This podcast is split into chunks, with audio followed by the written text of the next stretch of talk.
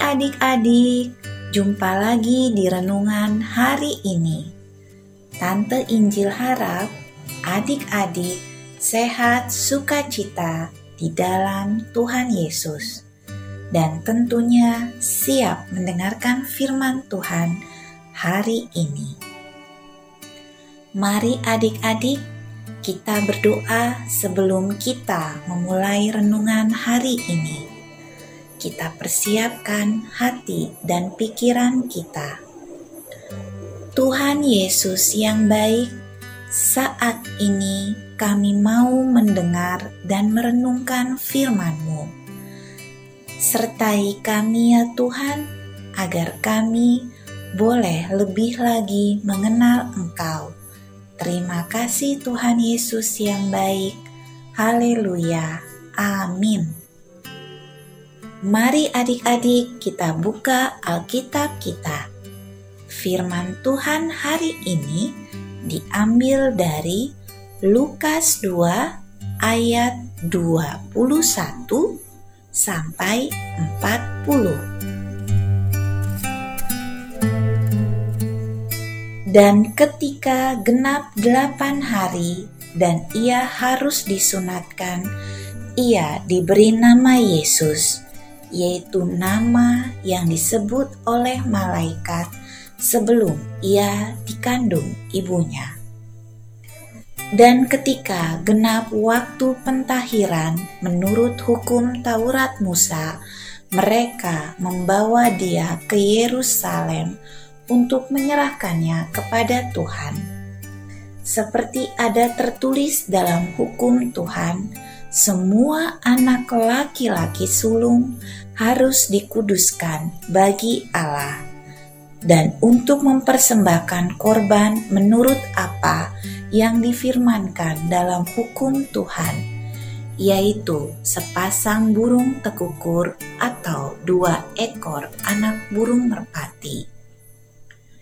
Adalah di Yerusalem seorang bernama Simeon ia seorang yang benar dan saleh yang menantikan penghiburan bagi Israel.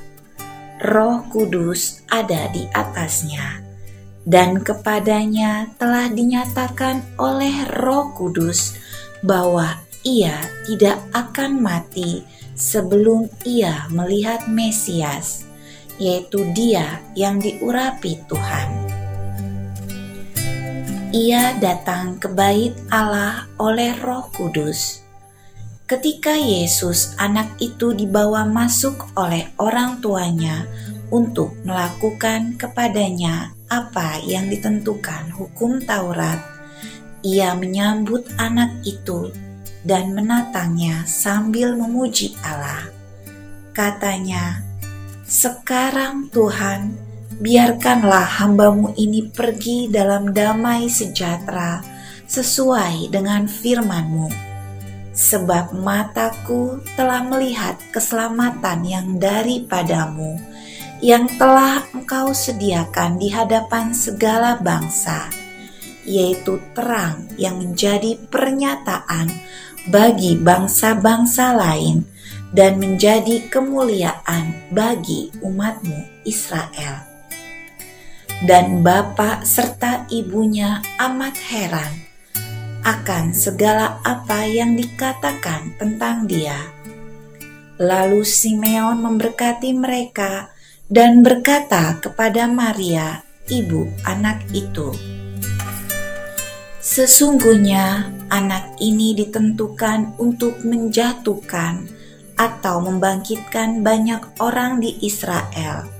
Dan untuk menjadi suatu tanda yang menimbulkan perbantahan, dan suatu pedang akan menembus jiwamu sendiri, supaya menjadi nyata pikiran hati banyak orang. Lagi pula di situ ada Hana, seorang nabi perempuan, anak Fanuel dari suku Asher.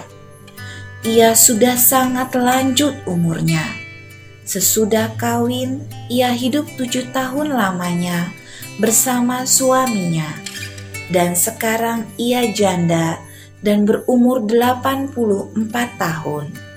ia tidak pernah meninggalkan bait Allah dan siang malam beribadah dengan berpuasa dan berdoa. Dan pada ketika itu juga datanglah ia ke situ dan mengucap syukur kepada Allah dan berbicara tentang anak itu kepada semua orang yang menantikan kelepasan untuk Yerusalem. Dan setelah selesai semua yang harus dilakukan menurut hukum Tuhan, kembalilah mereka ke kota kediamannya, yaitu kota Nazaret di Galilea. Anak itu bertambah besar dan menjadi kuat, penuh hikmat dan kasih karunia Allah ada padanya. Demikian pembacaan firman Tuhan hari ini. Simeon adalah orang yang sangat dikasihi Tuhan Simeon juga mengasihi Tuhan. Ia merindukan Mesias, Sang Juru Selamat bagi bangsa Israel dan bagi seluruh umat manusia di muka bumi.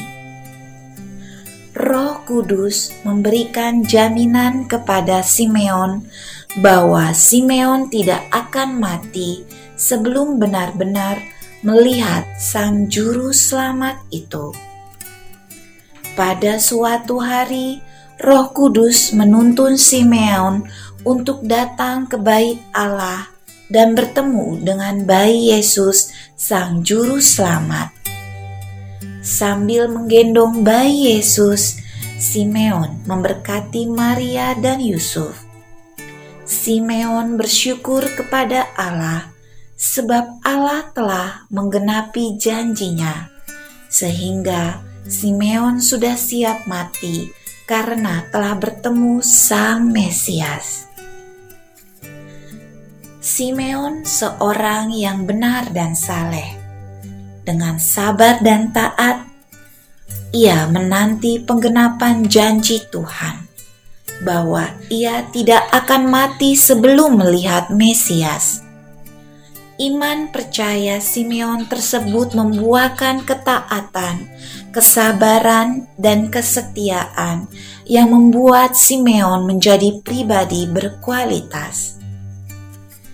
Nilai berharga dari sebuah penantian adalah ketika kita yakin dan percaya bahwa apa yang kita nantikan itu pasti akan datang tepat pada waktunya.